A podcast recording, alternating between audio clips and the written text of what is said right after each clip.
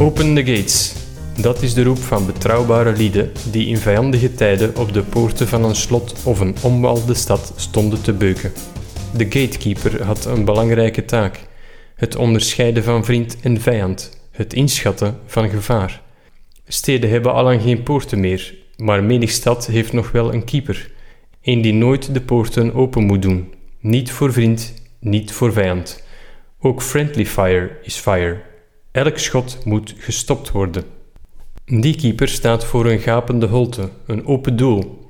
Hij is de enige obstructie in een tandeloze mond, de laatste man, de laatste strohalm als alle veldspelers zich in de luren hebben laten leggen. Simon Miolet is keeper, maar strohalm doet hem geen eer.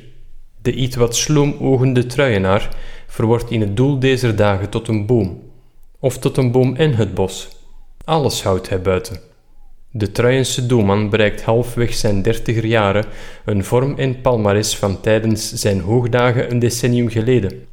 Tussen 2012 en 2015 gaf hij alle andere doelmannen uit de Premier League het nakijken door 320 ballen uit de netten te houden. Eerst voor Sunderland, later voor Liverpool. Het leverde hem in 2013 bij Sunderland en in 2015 bij Liverpool trofee Player of the Year op. Sinds drie jaar voetbalt Simon Mignolet weer in België, bij Club Brugge. Dat klinkt niet erg wervelend na Liverpool, maar Mignolet werd met dat Brugge wel drie keer op rij landskampioen. En eveneens drie keer won hij de trofee Keeper van het Jaar. Geen slome strohalm dus. Antwerpen en Genk doen voorlopig beter in de competitie, maar Europees loopt de campagne van club dit seizoen als een trein.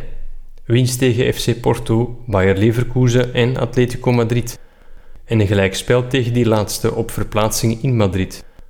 170 goals hebben Antoine Griezmann en Alvaro Morata al voor Atletico gemaakt, maar ze geraakten niet voorbij Simon Mignolet.